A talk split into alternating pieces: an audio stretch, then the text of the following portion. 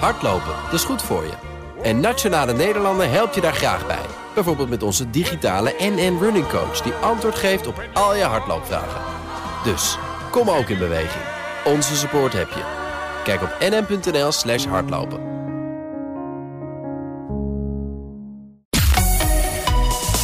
BNR Nieuwsradio. De AEX-factor. Paul Lasseur. Welkom bij de AEX-factor met daarin alles over de beurzen, beleggen en vermogen opbouwen. We struinen de beurzen af voor het belangrijkste en meest bizarre nieuws. Van bitcoin tot Tesla, van goud tot sojabonen. Financieel onafhankelijk zijn voor je dertigste of gewoon een zorgeloze oude dag. Het komt allemaal aan bod. En we kijken verder dan alleen beleggen in aandelen. Kortom, je bent helemaal bij als je luistert. En ons panel vandaag bestaat uit eh, John Beijer van Beurspro. Welkom John, goed dat je er bent. Ja, leuk dat we aanwezig te zijn. Ja, en Fleur Kroonbergs is hier ook. En zij was in 2019 financieel planner van het jaar. Ja, dankjewel. Leuk om hier te zijn. Ja, dag Fleur. In het dagelijks leven ben je eigenaar van een hypotheekshop in Den Haag. Dat klopt. Oké, nou je, je wil straks misschien een, eh, de studie of het rijbewijs voor je kinderen kunnen betalen. Of bijspringen voor het kopen van hun eerste huis.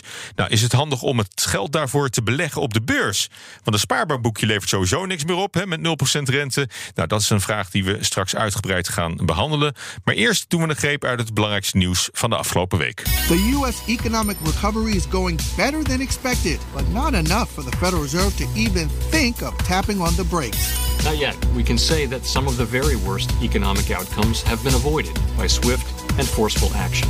The Fed, we will continue to provide the economy the support that it needs for as long as it takes. Crude oil getting crushed. This is not that complicated, right? Inflation expectations up, rates up, dollar up, oil down. Het onderzoek naar witwasproblemen bij ABN AMRO wordt uitgebreid. En dat kan leiden tot vervolging van directieleden, net als bij ING, dat meldt de Telegraaf.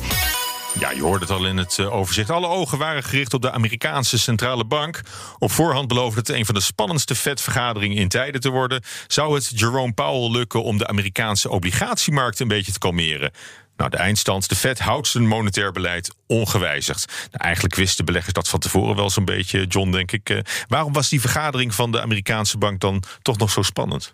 Ja, we zien natuurlijk dat eh, de Fed nu maandelijks zo'n 120 miljard aan obligaties opkoopt. Dat is natuurlijk een enorm bedrag. Maar dat zorgt er ook voor dat het natuurlijk een enorm mooie bodem onder de markten geeft. Mm, ja. Wat, het, wat een bron van zorg is, is dat de rente we weten dat de rente natuurlijk historisch laag staat. Maar de rente gaat eigenlijk in een hele korte tijd heel fel omhoog. En dat is natuurlijk eigenlijk waar beleggers natuurlijk een klein beetje onrustig van worden. Want ja, uh, als je op een gegeven moment op een niveau van 3, 4 procent komt te staan met de rente. Ja, dan is het natuurlijk interessanter om, en veiliger om je geld in de obligatiemarkt te stoppen. Ja. En, da en dat, is, uh, nou ja, dat zorgt er voor heel veel onrust, juist op die obligatiemarkten natuurlijk. Ja, klopt. En we hebben natuurlijk gezien dat uh, met name in de technologiefondsen, die natuurlijk uh, grote schulden hebben uitstaan, ja, de, de winstgevendheid van dat soort fondsen wordt natuurlijk direct geraakt als de rente natuurlijk wat omhoog gaat. Ja, dus dat zie je één op één eigenlijk met, met die rente meebewegen, dat, ja. uh, dat de koersen van juist tech, techbedrijven daar heel, heel slecht op reageren. Ja, klopt. Die zijn de afgelopen periode eigenlijk dan ook wat onder druk komen te staan. Maar aan de andere kant van de medaille zien we juist weer de financiële waarden, die natuurlijk het moeten hebben van wat hogere ja. rentes. Die voor, voor een verdienmodel. Ja, dat, zeker. Ja, die, die hebben baat bij een hogere rente. Uh, nou, de, de, de, blik was vooral gericht op de obligatiemarkt, hè, omdat daar zoveel onrust was, omdat, omdat die zo meebewegen met, uh, met de rentestand. lukt het Powell een beetje om die, om die onrust wat te bezweren op de obligatiemarkten? Ja, zoals je zelf al aangaf, het was een van de belangrijkste vergaderingen van de afgelopen periode. En eigenlijk is hij er niet echt in geslaagd. Want we zien toch dat hij eigenlijk een heel klein beetje zagen we de rente weer wat afkomen. Maar ook vandaag zien we de rente toch weer heel voorzichtig wat oplopen. Hij heeft eventjes de markten gekalmeerd. Maar de markt doet eigenlijk toch zijn eigen ding. En we zien dat de rente toch uh, een bron van zorg blijft voor de komende periode. Ja, dus er wordt heel erg op die rente gekeken. Want wat de Fed ook zegt, is dat ze verwachten dat de economie sneller herstelt dan eerder gedacht. Dus ja. economisch uh, zijn de vooruitzichten alleen maar, uh, alleen maar beter geworden. Ja, en ja, dat is natuurlijk ook een waarom die rente wat heel voorzichtig wat oploopt. We zagen natuurlijk dat de werkeloosheidspercentage nu op 6%. En dat men verwacht dat die naar de 4,5% gaan, mm gaan teruglopen. En dat is natuurlijk heel erg gunstig. Ja. Maar goed, als de rente te hard oploopt, kan dat de economische groei weer in de kiem smoren. Ja, dus het is altijd een ja, behoorlijke afweging die men moet maken. En tot op heden doet de Fed dat natuurlijk gewoon heel erg goed. Ja, wat, wat, doen ze daar zo goed aan? Want ze doen niks eigenlijk. Ja, ja, maar de Fed is natuurlijk wel een partij die eigenlijk heel snel iedere keer heeft ingegrepen. We hebben tijdens de crisis gezien in 2008 tot 2010 dat de Fed eigenlijk direct klaar stond om de economie te supporten met allerlei opkoopprogramma's. En waar natuurlijk de ECB eigenlijk twee, drie jaar lang langer wachtte om in actie te komen. Ja, ja, maar goed, de, de Fed heeft ook wel een wat ander mandaat, hè, historisch eh, klopt. gezien, dan de Europese Centrale Bank.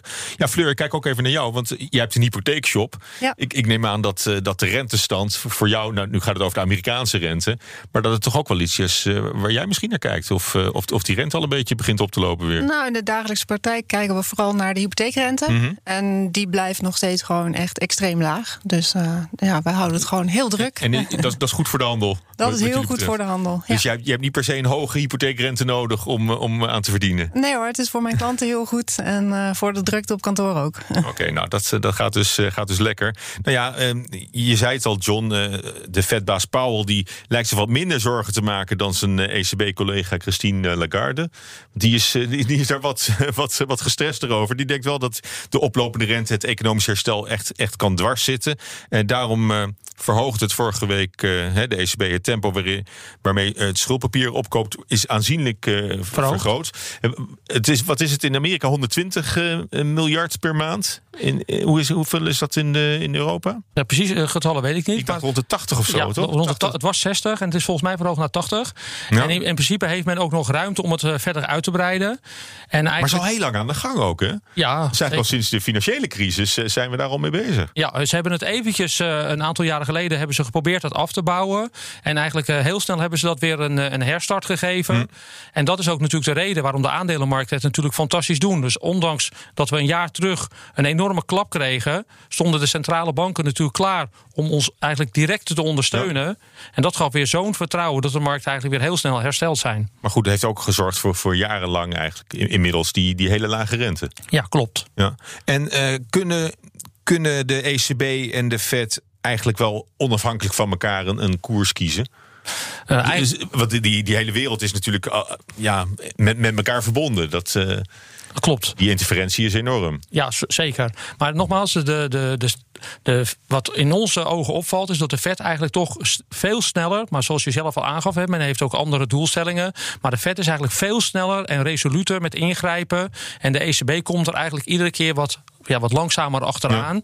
En dat zorgt er ook voor dat natuurlijk, op, als je kijkt naar de koers op Wall Street en je kijkt naar de koersen in Europa, dat het daar ook veel harder is hersteld en veel sneller. Ja. En Europa is er achteraan gekomen. Dus eh, Wall Street is altijd wat volatieler dan we op de Europese Ja, beurs eh, gewend zeker. zijn. En ja, sowieso, ehm, als we het over dat mandaat hebben, de, de Fed is ook echt gericht op, eh, op de economische groei en op de werkloosheid. En, en allemaal, allemaal die economische parameters om die veel meer in de gaten te houden en te beïnvloeden. Ja, klopt. En in, in, in, in, de- in eh, Europa is het natuurlijk met name om de prijsstabiliteit eh, ja, ja, te de garanderen. inflatie. Ja. En die proberen we al heel lang op 2% te krijgen. En dat, dat lukt niet.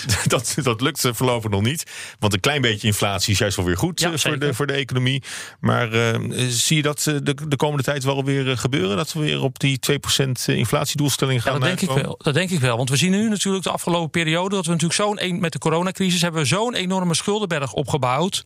En dan zal je toch daardoor toch wel wat, wat meer inflatie Mhm. krijgen dan, eh, dan we nu eigenlijk verwachten. Ja, En dat is dan ook wel weer een risicofactor voor de financiële markten. ja. Ja, weet je, dat met die centrale banken. Ik, ik, ik heb wel eens het idee van, het is hartstikke, hartstikke saai natuurlijk al, dat, eh, dat macro-economisch nieuws. Maar het is, het is toch wel heel erg eh, bepalend voor wat, eh, wat de aandelen gaan doen, hè? Ja, absoluut. Want als, ze als we natuurlijk besluiten om de steunpakketten terug te gaan draaien, dan moeten we eigenlijk op eigen benen blijven staan.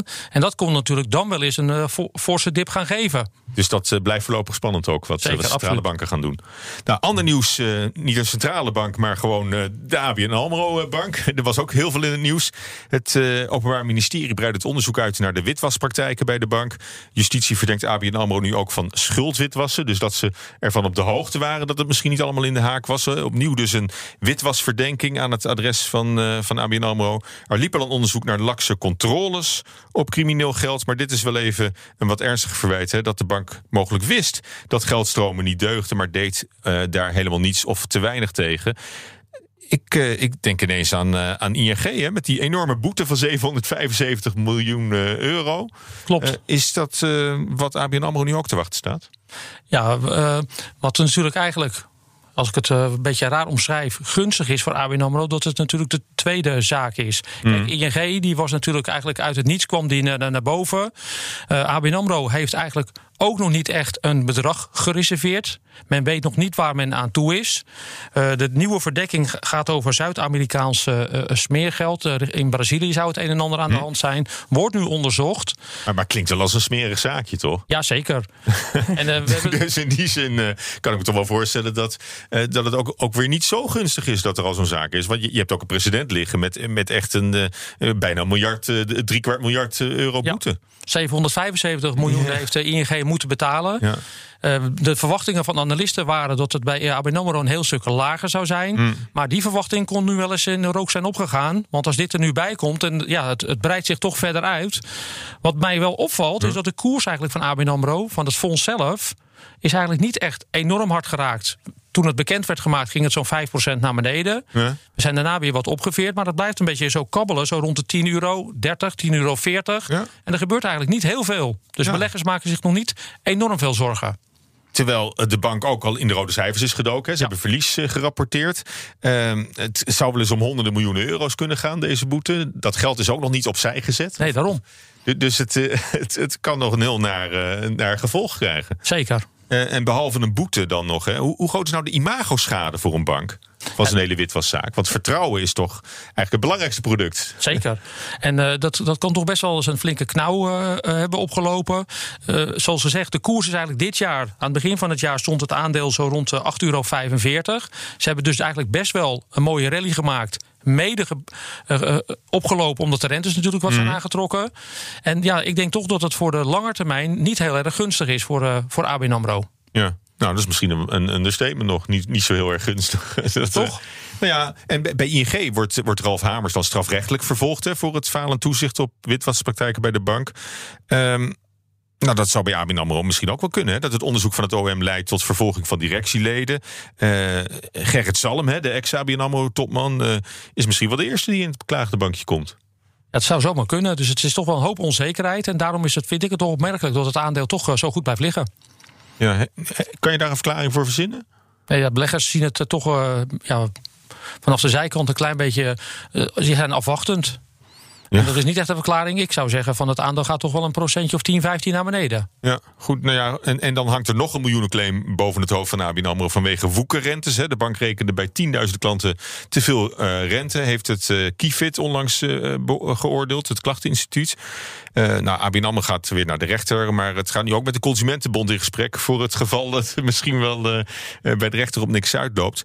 Ja, voor, voor de compensatie van, van klanten. Ze, ze voelen erbij al hangen, denk ik, Fleur, of niet? Ja, dat neem ik aan van wel. Uh, ik las laatst dat het uh, gaat om 80.000 klanten die waarschijnlijk te veel rente betaald hebben. Ja. Ook, ook, al niet echt het imago wat je, wat je wil hebben. Hè? Nee, nou de ene waar ze al dan een compensatie hebben uitbetaald, dat ging volgens mij om 5000 euro. Nou, doe dat eens een keer 80.000 klanten. Dan uh, heb je het ook over flinke bedragen. Ja.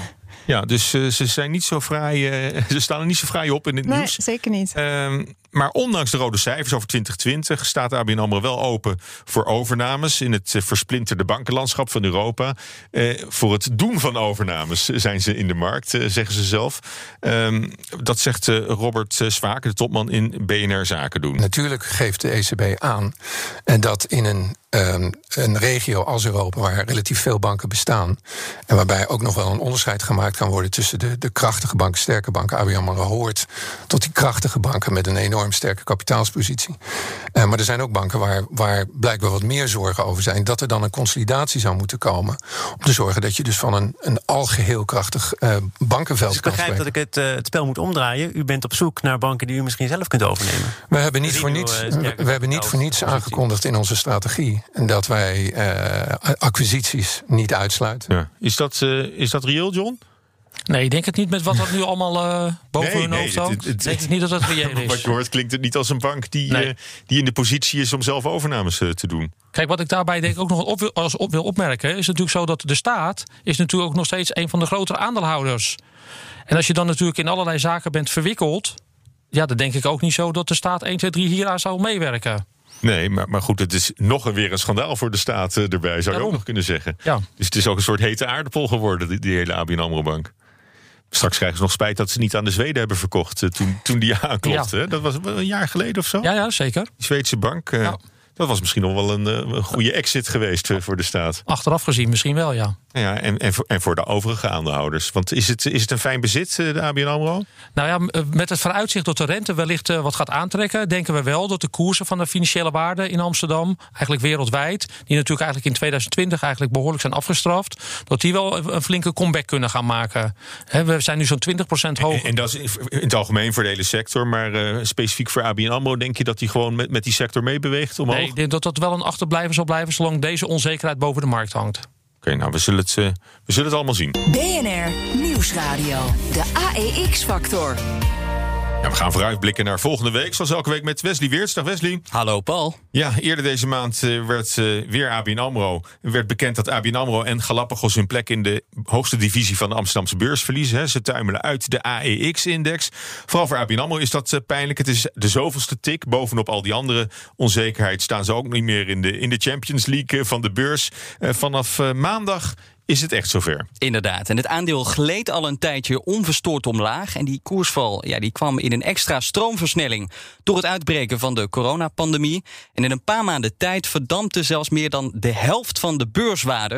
En tot overmaat van ramp belandde ABN ook nog eens in de rode cijfers. Nou, dat kwam voornamelijk omdat ze die stoppenpotten aan moesten vullen vanwege corona. Nou, vervolgens uh, ja, braken er weer eh, een paar zonnestraaltjes door en leek het wat beter te gaan. De bank was weer wat aan het opkrabbelen. Maar ja, toen verloor het opeens toch zijn prestigieuze notering in de AEX. En ook in uh, Den Haag zorgt die degradatie denk ik toch wel voor wat zure gezichten. Uh, want ABN AMRO is namelijk nog altijd voor de helft, meer dan de helft in handen zelfs, van de Nederlandse staat. Um, ja, en uh, nou, dat zorgt waarschijnlijk voor zure gezichten. Maar zij zijn ook mede de schuldigen eigenlijk voor die degradatie. Um, want omdat de staat dus een groot deel van die aandelen nog in handen heeft, uh, ja, worden die niet meegenomen in het bepalen van de marktwaarde. Want ja, die zijn namelijk niet vrij verhandelbaar, die aandelen. dus mocht het nieuwe kabinet straks toch het roer omgooien en besluiten om vaart te maken met de privatisering van de bank, ja, dan kan ABN AMRO in principe weer terugkeren naar de AIX. Ja, of verkocht worden aan een buitenlandse of bank. verkocht worden, dat, ja. dat zou misschien ook wel een idee zijn. Ja, goed. Voor nu worden ABN en Galapagos in de AIX vervangen door Signify, de voormalige lichtdivisie van Philips, en door chipstoeleverancier BC. Wat betekent dat voor de samenstelling, voor, voor het profiel eigenlijk van de Amsterdamse AIX-index? Nou, er verandert wel wat. Eigenlijk de laatste paar jaar zien we alweer wat verschuivingen. De, de AIX krijgt steeds meer trekjes van een ja, technologie-index. Er zitten al heel wat techbedrijven in. Adyen, ASML, Just Eat Takeaway. En met die nieuwe samenstelling ja, worden dat er nog meer. Uh, en daarmee wordt het ook wel wat afhankelijker van het sentiment rond die tech-aandelen. Dus gaat het met tech minder goed, dan heeft dat ook toch wel een effect op de AX straks. Maar een beetje een Nasdaq aan de Noordzee worden we. Dat worden we inderdaad. en nou, er staan meer degradaties op de planning. Want ook ING moet zijn uh, plaatsje afstaan. Uh, niet in de AX weliswaar, maar in de Bel 20. Dat is de, de Belgische AX. Inderdaad. En opnieuw een bank. En misschien had ING dan ook niet zo hard moeten snoeien in het aantal werknemers. tenminste, als het zijn plek wilde houden in die beursindex. want de bank heeft namelijk niet genoeg personeel in België. Want je moet daar minimaal 15% van het personeel moet Belgisch zijn. Nou, daar voldoen ze niet meer aan, aan die voorwaarden. Dus worden ze uit die Bel 20 uh, gekukeld. Um, en eerder maakte ING al uh, ja, bekend bij onze zuiderburen... dat ze tientallen kantoren zouden sluiten. Nou, die filialen die waren niet meer nodig... omdat we allemaal op het internet zitten om daar te bankieren. Um, maar ja, doordat er echt gaandeweg de afgelopen tijd... wel wat werknemers dus verdwenen zijn... ze niet meer aan die 15% voldoen... ja, verliezen ze hun plek ook automatisch. Oké, nou dus in, in België een beetje het, het, hetzelfde beeld als, uh, als in Amsterdam. Ja, nee, bij ABN AMRO gaat het wel echt ja, ook wel wat slechter dan ja. uh, bij ING. Het doet ook wel wat meer pijn, denk ik. Uh, ja, want dat is toch wel iconisch hier. De AEX-factor. Paul Lasseur. Stel je wilt geld opzij leggen voor je kind, maar sparen levert je door de lage rente geen cent meer op. En daarom lijken steeds meer ouders te vluchten naar de beurs, want daar levert hun inleg nog wel wat op. Ja, een spaarrente van bijna nul, geen basisbeurs meer voor studenten. Misschien komt die wel weer terug uh, trouwens. Uh, nou, de, vergrijzing hè, als algemene uh, trend. Dan longt de beurs misschien wel, en dat zien we denk ik ook wel gebeuren. Is dat een goed alternatief, Fleur, voor, voor sparen voor je kind? Voor de ja, studie? zeker. Als je één ding zeker weet bij sparen, dan is het als je nu begint dat je over een aantal jaar, als het maar alleen op basis van inflatie, gewoon minder geld hebt dan wat het nu waard zou zijn. Um, en dan heb ik het nog niet over eventuele belasting die je moet betalen omdat je boven de vrijstelling mm. uitkomt in box 3 en je negatieve spaarrente als je wat meer geld hebt. Dus dan is beleggen is, uh, zeker een goede optie. Dan heb je in ieder geval nog een risico op rendement. Ja, nou, nou was jij uh, financieel planner van het jaar in 2019. Ja, klopt. En eigenlijk ben je dat dan uh, voor, voor, voor de rest van je, van je loopbaan volgens zeker. mij. Hè? Maar um, heb je veel mensen um, aan je bureau die, die, dit, die dit zoeken? Een constructie om voor hun kinderen geld te Nee, ze komen genereren? bij mij niet specifiek uh, van ik wil uh, geld maken voor mijn kinderen. Um, ik kijk altijd naar het totaalplaatje. En Hmm. uh, beleggen of sparen voor je kinderen kan daar een onderdeel van zijn, zeker. Ja. En zijn hier speciale producten voor op de markt? He, voor al die ambitieuze ouders die willen dat hun kind later op Harvard of Oxford kan studeren. Ja, ja die zijn er. Dat, dat er vast potje voor is? je hebt eigenlijk twee manieren. Je kan zeggen van nou ik ga beleggen voor mijn kind. Dus dan heb je zelf een beleggingsrekening. Hmm. En het geld wat je daarop stort en het geld wat daarop staat, dat heb jij dan zelf bedacht. Dat gaat naar mijn kind toe. Hmm. Of je kan een beleggingsrekening openen op naam van je kind. Um, dat blijft nog steeds wel in jouw box 3 vermogen meetellen totdat ze ja. 18 zijn. Maar dat geld dat is dan echt van je kind. En op het moment dat ze 18 worden, dan krijgen ze daar ook de beschikking over. Dus het heeft En, voor- en en dan, dan hoef je niet nogmaals af te rekenen met de fiscus. Nee, dan hoef je een soort te schenkingsrecht eh, over te betalen. Nee, alle stortingen die je doet, die zijn gewoon, um, ja, dat zijn eigenlijk de schenkingen. Dus als je per jaar dan maar onder die 5.500 euro, iets meer tegenwoordig, maar onder ongeveer die 5.500 euro blijft, dan uh, is dat vrijgesteld van uh, schenkbelasting. En al het rendement wat je maakt is dan onbelast. Ja. En uh, zou jij adviseren om, om al je geld uh, voor dit doel te, te beleggen op deze manier? Of zou je toch combineren met sparen voor een beetje zekerheid, een beetje spreiding? Een Nou, beetje dat ideale hangt- mix zoeken. hangt heel erg van je situatie af. Als je zegt van nou, mijn kind moet per se naar Harvard, nou dan weet je dat je daar een heleboel geld voor nodig hebt. Um, dan kan het handig zijn om inderdaad wel een, een stuk te sparen. Uh, aan de andere kant heb je dan dusdanig veel geld nodig dat misschien beleggen een betere optie is. Want dan is de kans dat je het haalt wat Hmm. groter. Maar als je kijkt in Nederland, ja, als het gaat om de studie, um, dat is heel fijn in Nederland. Ieder kind kan studeren. Ja, door- ook ja, als je van- ouders geen geld hebben. En ook zonder beurs, dan is er wel een leenstelsel. Dus het, Precies. het kan wel. Ja. Dus het is niet zo dat dat geld echt heel dringend noodzakelijk is om je kind te kunnen laten studeren. En dan kan je wel zeggen van, nou ja, ze zijn nu misschien nog klein. Je hebt nog een hele lange horizon. Dan valt het risico in beleggen best wel mee. Ja. John, heb jij, heb jij kinderen? Ben je al hard bezig voor ze of niet? Twee stuks, ja. En we doen ook, eh, ze doen eh, beide aan beleggen. Ja. Ja, want als je ziet naar de statistieken over de afgelopen 20 jaar, dan had sparen, dan was je zelfs met inflatie meegeteld, was je 0,2% achteruit gegaan. Ja. En als je de afgelopen 20 jaar was je gaan beleggen, dan was je 5,2% op jaarbasis vooruit gegaan. Oké, nou, het hangt er natuurlijk ook vanaf wel- welk, welk bedrag je op hun 18 ongeveer wil, wil hebben. Je Zeker. kan, je, je kan Ja. rekenen. Hè, bijvoorbeeld dat, dat Harvard voorbeeld, dan, dan weet je ongeveer wat je nodig hebt. Ik heb geen idee wat Harvard tegenwoordig kost. Maar ik denk dat dat wel wat duurder is Ja. dan studeren in Nederland. Zeker. Ja, dat geloof ik ook wel, hè?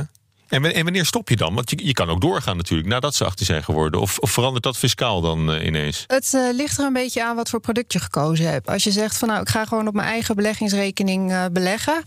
Ehm, ja, dan, dan kan je natuurlijk zo lang doorgaan als je wil. Heb je echt een beleggingsrekening op naam van je kind, dan is die rekening op het moment dat ze 18 zijn, is gewoon vrij besteedbaar. Hmm. Dus ja, wellicht is het dan niet handig om daarop door te blijven beleggen. Ja. Maar zolang je binnen die eh, vrijstelling voor de schenkbelasting eh, blijft, heeft het weinig consequenties als je daarnaar blijft overmaken. Want ik, ik zit even te denken, je- je kan misschien ook wel meteen voor hun pensioen beginnen te, te beleggen. Nou, dan, dan kijk je heel ver vooruit. Ja, nee, ja, prima, waarom nee, maar dan niet? kan je met kleine stapjes. En Ja, ja, dan, eh, zeker. dat, dat is gewoon. eh, dat, dat lijkt me heel. eh, ja, ik weet niet of heel veel mensen daarmee bezig zijn van tevoren. Ik denk alleen dat als je dan echt een groot bedrag bij elkaar hebt, dan eh, op het moment dat je dat gaat schenken, ja, dan zit je wel met schenkbelasting. Dan wordt dat ineens een, een fiscaal, fiscaal probleempje. Ja. Altijd onder het gras. BNR Nieuwsradio. De AEX-factor. Bij mij in de studio zijn John Beijer van Beurspro en Fleur Kroonbergs. In 2019 uitgeroepen tot financieel planner van het jaar. En we hebben het over het, eh, het beleggen voor je kind. Om de studie te betalen of een aanbetaling te doen voor het eerste huis eh, straks. Als ze later eh, groot zijn. En ja, er komt nog wel wat bij kijken. Ook fiscaal komt er nog wel wat bij kijken. Daarom moet je voor de goede constructie kiezen. zodat je niet op het moment, wat dat vertelde jij Fleur, dat als, als ze 18 zijn en je draagt het geld aan ze over. Is het natuurlijk zonde als je daar ineens een enorme schenkingsbelasting over moet betalen. Ja, ik denk niet dat er iemand is die zegt van... joh, ik ga fijn beleggen voor de Belastingdienst. Dus het is altijd wel handig om dat even in de gaten te houden. Nou, op dit moment, zolang je kind onder de 40 is... mag je sowieso 26.000 euro gewoon schenken. Dus ook als je op je eigen naam belegt, dan Mhm. eh, is dat geen probleem. En voor de woning is het op het moment nog veel meer. Dan is het echt dik een ton. Dus dan eh, moet je al een aardig expert zijn om dat even te maken op de beurs. Oké, maar het, het idee, en, en, en dat, is het, dat zou jij ook adviseren. eh, als ik je goed heb beluisterd, net tijdens de radio-uitzending. is dat je op, op naam van je kind een beleggingsrekening opent. als je, als je dit wil bereiken. Nou, dat is niet per definitie wat ik adviseer. Want eh, je kind krijgt wel volledige beschikking over het geld op het moment dat het 18 wordt. Dus als je zegt. En, en niet alle kinderen zijn daar even geschikt voor? En niet alle daar- kinderen zijn daar even geschikt voor. Nee. En op het moment dat ze nog in de wieg liggen of misschien nog niet eens geboren zijn, dan is dat natuurlijk heel lastig in te schatten. Mhm. Dus als je zegt van nou ik wil daar wat meer invloed op uitoefenen, dan eh, zou ik het zeker niet op naam van het kind zetten, maar Hm. op je eigen naam. Oké, en maar dan wel eh, zo jong mogelijk eh, beginnen voor, de, voor dat kind. Dat is altijd goed. Ja. Ja. Ja, want eh, John, jij, jij vertelde, jij bent ook jong begonnen met, eh, met de kinderen. Ja, klopt. En eh, wat, wat natuurlijk heel gunstig is. Kijk, bij beleggen heb je natuurlijk enorme koersschommelingen. Mhm. En als je natuurlijk periodiek belegt, dus ieder jaar of per maand een klein bedrag. dan heb, maak je ook die enorme schommelingen niet mee. Want de ene keer koop je als de beurs hoog staat. en de andere keer koop je als de beurs laag staat. Mhm. Dus dat geeft het rendement over al die jaren ook nog een keer een kleine extra boost. Ja. Want ben jij heel actief bezig met die portefeuille? Of, of heb je dat echt een beetje, een beetje op afstand gezet? Nee, we kijken wel, zeg maar echt als er een enorme dip is. dan, eh, dan iets, ietsjes wat meer Dan kopen. kom je wel in actie. Houdt Ja. het wel, het goed Ja. dat er, eh, dat er wat, wat over is straks. Want hoe oud, hoe oud zijn ze nu?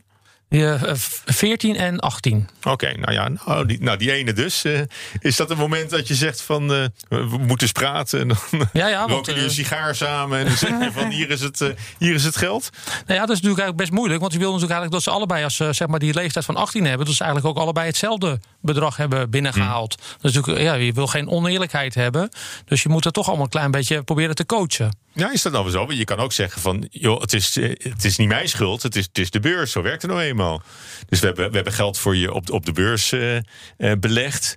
En als je 18 is, krijg je daar de, de, de, de beschikking over. Ja, dat, ja, maar je wil eigenlijk, ja, je wil ze allebei ook een beetje hetzelfde behandelen. En die van 14 hebben misschien vier jaar langer belegd. Als je op hetzelfde moment voor beide kinderen bent begonnen, dan eh, Ja, klopt. is daar natuurlijk ook meer geld ingegaan. Dus ehm, wat ik dan wel eens tegen ouders zeg, is gewoon van nou, kijk, wat heeft de eerste gekregen toen hij 18 was?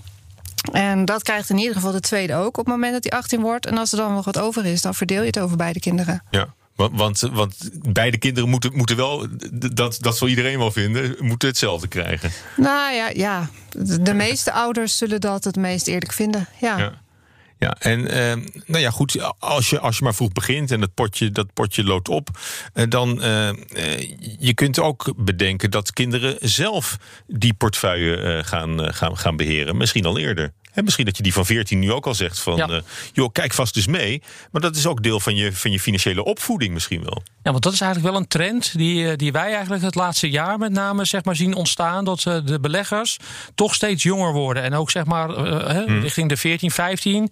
En met name natuurlijk in cryptomunten. Daar zien ze natuurlijk enorme winsten. Eh, door social media zien ze natuurlijk allerlei dingen. Hmm. Dus ze zijn er al veel meer mee bezig dan zeg maar een aantal jaren geleden. Dat valt mij wel inderdaad heel erg op. Ja.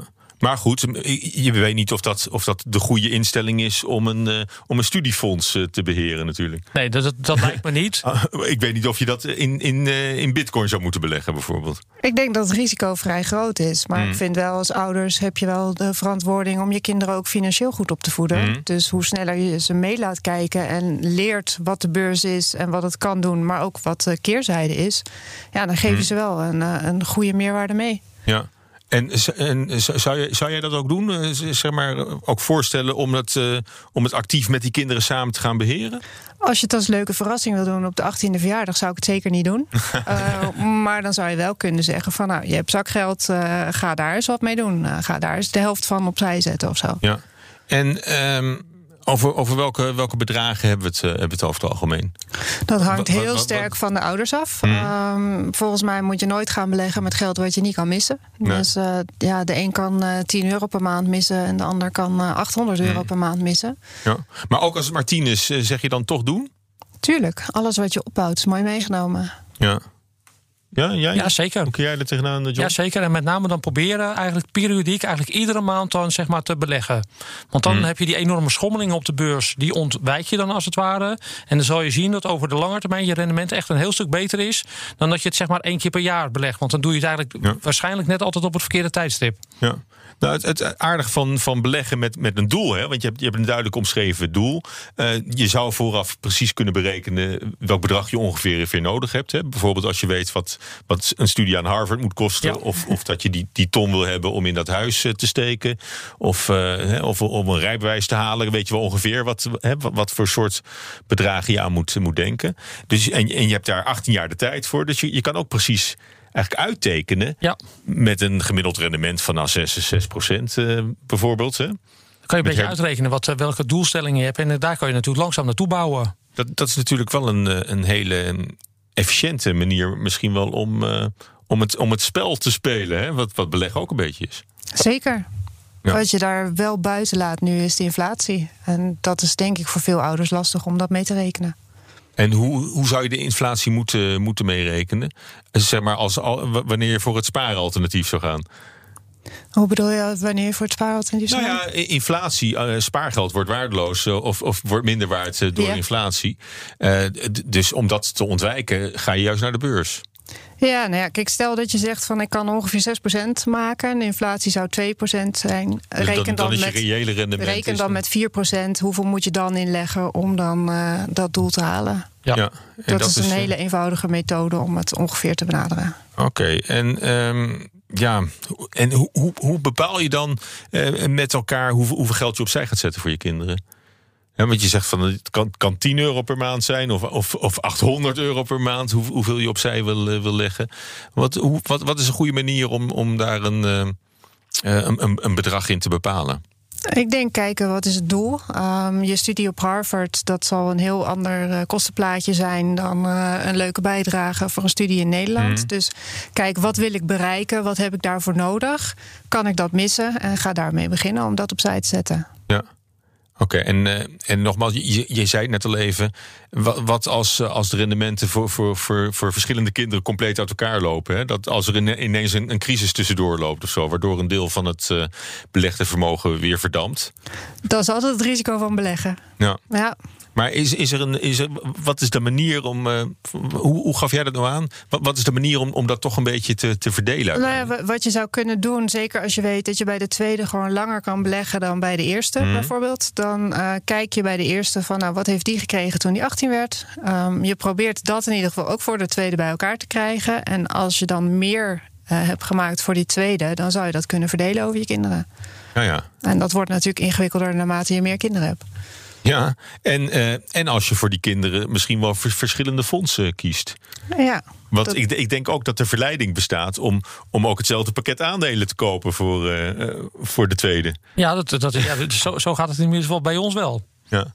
Want je zou het ook kunnen gebruiken om het, om het veel meer te spreiden over die twee kinderen. En dan, eh, en dan ze allebei de, de- helft van wat, er, eh, van wat eruit komt. eh. Ja, dat klopt. In principe, zeg maar, bij ons als beurshandelaar, dus eh, spreiding is wel een beetje het toverwoord bij beleggen. En Hmm. Hoe meer je spreidt, dan is, gaat het rendement gewoon veel geleidelijker. Ja. En ja, dat, dat, is inderdaad een hele goeie. Nou, nou zei je net, eh, John, dat, eh, dat, dat jongeren veel, veel sneller eh, na- naar, naar, naar de beurs kijken of naar, naar de financiële markt. Hè. Bijvoorbeeld ook naar. ik, heb, ik zie zelf ook dat Bitcoin heel, heel populair is bij, bij jongeren. Of als ze een aandeeltje Tesla hebben kunnen bemachtigen, Ja, ja. dan zijn ze ook helemaal, helemaal de koning, volgens mij. Maar maar dat, dat is lang natuurlijk niet zo geweest hè, in Nederland. We zijn niet echt een beleggersland. Nee, maar je ziet wel dat het enorm in opkomst is. En dat heeft, eh, ja, ik denk toch te maken, hè, dat je ziet natuurlijk dat, eh, ja, als we kijken op Instagram, je ziet natuurlijk dat de jongens die wel wat verdienen, die, eh, die, die showen dat heel erg. En dat- daar is de jeugd dan weer van onder de indruk. En die willen ook, als ze 16 zijn, een nieuwe scooter.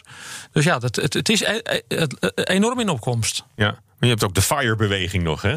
De, de Financial Independent Retired Early. Dat, dat zijn de, die, ook sparen en ja. heel spaarzaam leven. En dan wat opzij zetten, zodat ze met de 40 met pensioen kunnen. Ja, maar dan, dan moet er nog wel heel wat gebeuren. Hè? Want dan moet je echt een flinke rendementen maken. Dan moet je een flinke. Ja, of, of heel zuinig leven. En Eh. dus, dus ook heel veel overhouden om, eh, om veel te kunnen, te kunnen beleggen elke maand. En ja, dat, dat geld beseffen.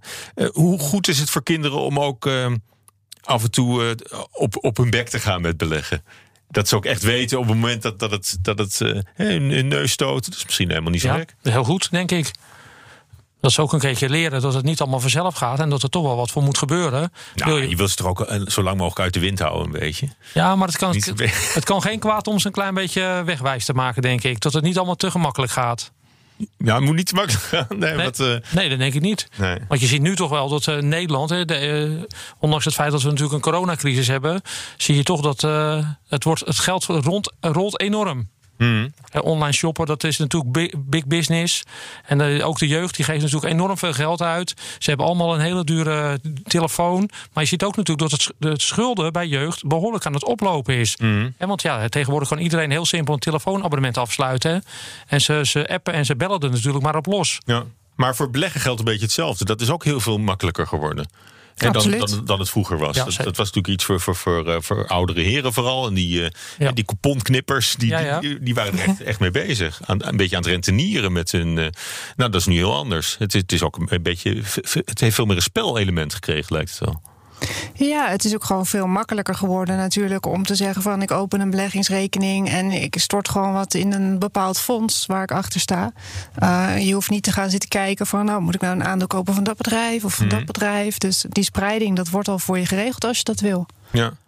En die, eh, en die eigen verantwoordelijkheid, om, om daar even mee, mee, mee, mee af te ronden. Die eigen verantwoordelijkheid van het, van het kind. Laat je dat ook, la- laat je dat ook mee bepalen in, eh, in, het, in het sparen via een, eh, een beleggingsrekening? Ja, eh, ik doe dat wel. En eh, ze, hun komen dan met name de, de, met de, ja, de, de Tesla's komen ze mee aan met dat soort fondsen. Ik laat ze gewoon kie- fondsen kiezen. En dan komen ze inderdaad met dat soort eh, hele... Oh ja, en, ver- en verrassen ze je nog wel eens? Jazeker, met De- fondsen de- dat ik, dat ik denk van... oh, enorme, enorme, Ja. enorme winners, die, die zij Ja. dan, waar zij mee op de proppen ja, komen. ja, zeker. En eh, dan neem ik aan dat dat vooral eh, eh, bekende merken of, of, of fondsen waar, waar, waar rappers ook in zitten. Of, Nou, ze zitten ook natuurlijk op allerlei van die fora. En dan zien ze bijvoorbeeld hè, op Reddit zien ze allerlei Mhm. dingen voorbij komen. En dan stappen ze daar ook weer in. Dus er komen best wel met fondsen voorbij waar je denkt van... hé, die had ik nog niet 1, 2, 3 eh, op het vizier. Maar de appel valt niet ver van de boom eh, bij jullie thuis. Het gaat tot nu toe eh, gaat het heel goed. Huizen Beijer is het, eh, is het allemaal beleggen. Ja, dat klopt. Zit iedereen achter de, achter de schermen. Nou, leuk is dat zeg. En, en, en het wordt dus ook deel van de financiële opvoeding... dat ze al jong leren om hun eigen broek een beetje op te houden. Ja. Oké, nou, eh, dank jullie wel. Eh, vo- voordat we afsluiten hebben we nog tijd om een eh, beleggingstip van een luisteraar aan jullie voor te leggen. Uit alle inzendingen wil ik graag die van Vincent Lewis behandelen. Dank je wel voor je, voor je e-mail. Hij tipt twee reisaandelen. Hij zegt, je zou eigenlijk in TUI en in IAG moeten zitten. Dat is het moederbedrijf van British Airways en Iberia. Want door corona en de lockdown zijn ze heel goedkoop geworden. Maar sinds een paar maanden zijn ze ook alweer flink aan het stijgen. En hij noemde IAG specifiek. Hij zei 62% sinds november 2020. Ja, dat heeft hij heel goed gedaan. Eh, hoog risico, maar hij heeft het wel heel goed gedaan. Want zodra de, de wereldwijde economieën natuurlijk weer open gaan... zijn dat natuurlijk wel de fondsen die natuurlijk als eerste gaan herstellen. Ja. Maar je ziet natuurlijk wel dat er eigenlijk al een klein beetje een voorschotje op wordt genomen. Sinds de vaccinaties eigenlijk in Europa in een versneld tempo uitrollen... zie je dat dat soort fondsen eigenlijk heel voorzichtig al wat aan het herstellen zijn. Ja. Want hij, hij noemt nu IAG, maar waar- waarom niet KLM? Ja, geen idee. Want in principe zou die er ook van kunnen gaan profiteren. Die heeft natuurlijk wel wat problemen nog met de herfinanciering. Waar natuurlijk met de Nederlandse staat dat het nog niet heel soepel loopt. En waardoor er wat meer onzekerheid is. Ja. Nou, TUI gaat al wat minder hard. Hè. Hij zegt, ik, ik heb sinds eh, november 2020 in een paar stappen een eh, positie opgebouwd in TUI. Eh, maar toch vanaf november wel, wel- hebben die ook eh, 20% eh, gedaan. Ja, dat, dat doet hij heel goed. Een beetje hetzelfde verhaal. Nou, en hij, hij ging nog verder met dat hij dat ook wel zag voor bieraandelen. Hè. InBev dan weer wat meer dan Heineken. Waarom, waarom is dat, denk je? Ja, die is wat meer eh, geografisch vers- verspreid. En we denken dat die inderdaad een eh, flinke inhaalslag mag maken. Dat is eigenlijk hetzelfde verhaal als voor, eh, voor reisorganisaties Ja. en, en vliegmaatschappijen. Ja. Dat als straks eh, als er weer gereisd wordt en de horeca gaat weer open, dan gaat ook de bierpomp weer open. En dan, uh, Dus eigenlijk heel eenvoudig dan. Uh, wel, maar ik zou zeker als het, als het eenmaal een feit is, dan zou ik hier en daar wellicht nog wat winst nemen in, die, in dit soort fondsen. Toch, wat jij, jij ziet voordat ze verder stijgen ook nog wel een terugval mogelijk? Nee, je, je ziet natuurlijk dat nu in aanloop hier naartoe iedereen daar eigenlijk een beetje op aan het inspelen is. Mm. En het weten van de zaak is meestal het einde van het vermaak. Oké, dus nou ja, dat, dat, is dan jammer als je een tip geeft in dit programma. Dat, dat iedereen erop springt en dan is het alweer, is het alweer uh, voorbij. Nou, wie weet. Uh, blijf jullie tips sturen allemaal, zeg ik tegen de luisteraars. Want heb je voor onze gouden beleggingstip of heb je er zelf een gekregen? Wil je checken of het het is? Laat het ons dan weten met een mailtje naar axfactor.bnr.nl. Ik zeg hartelijk dank tegen John Beijer van Beurspro. Goed dat je er was. Ja, leuk. Dat je het een beetje leuk vond. En uh, Fleur Kroonbergs, uh, de financieel planner van het jaar was je in 2019. Maar voor mij ben je dat uh, nog steeds. fijn dat je er was. Dankjewel. En dat je hebt meegepraat. Dit was de AX Factor. Ik hoop dat je volgende week vrijdag weer luistert. Vanaf 7 uur een nieuwe aflevering op de radio. En als extra lange podcast. En blijf de tips vooral sturen. Wie weet heb jij de AX Factor. Tot volgende week. Hardlopen, dat is goed voor je. En Nationale Nederlanden helpt je daar graag bij. Bijvoorbeeld met onze digitale NN Running Coach... die antwoord geeft op al je hardloopvragen. Dus, kom ook in beweging. Onze support heb je. Kijk op nn.nl slash hardlopen.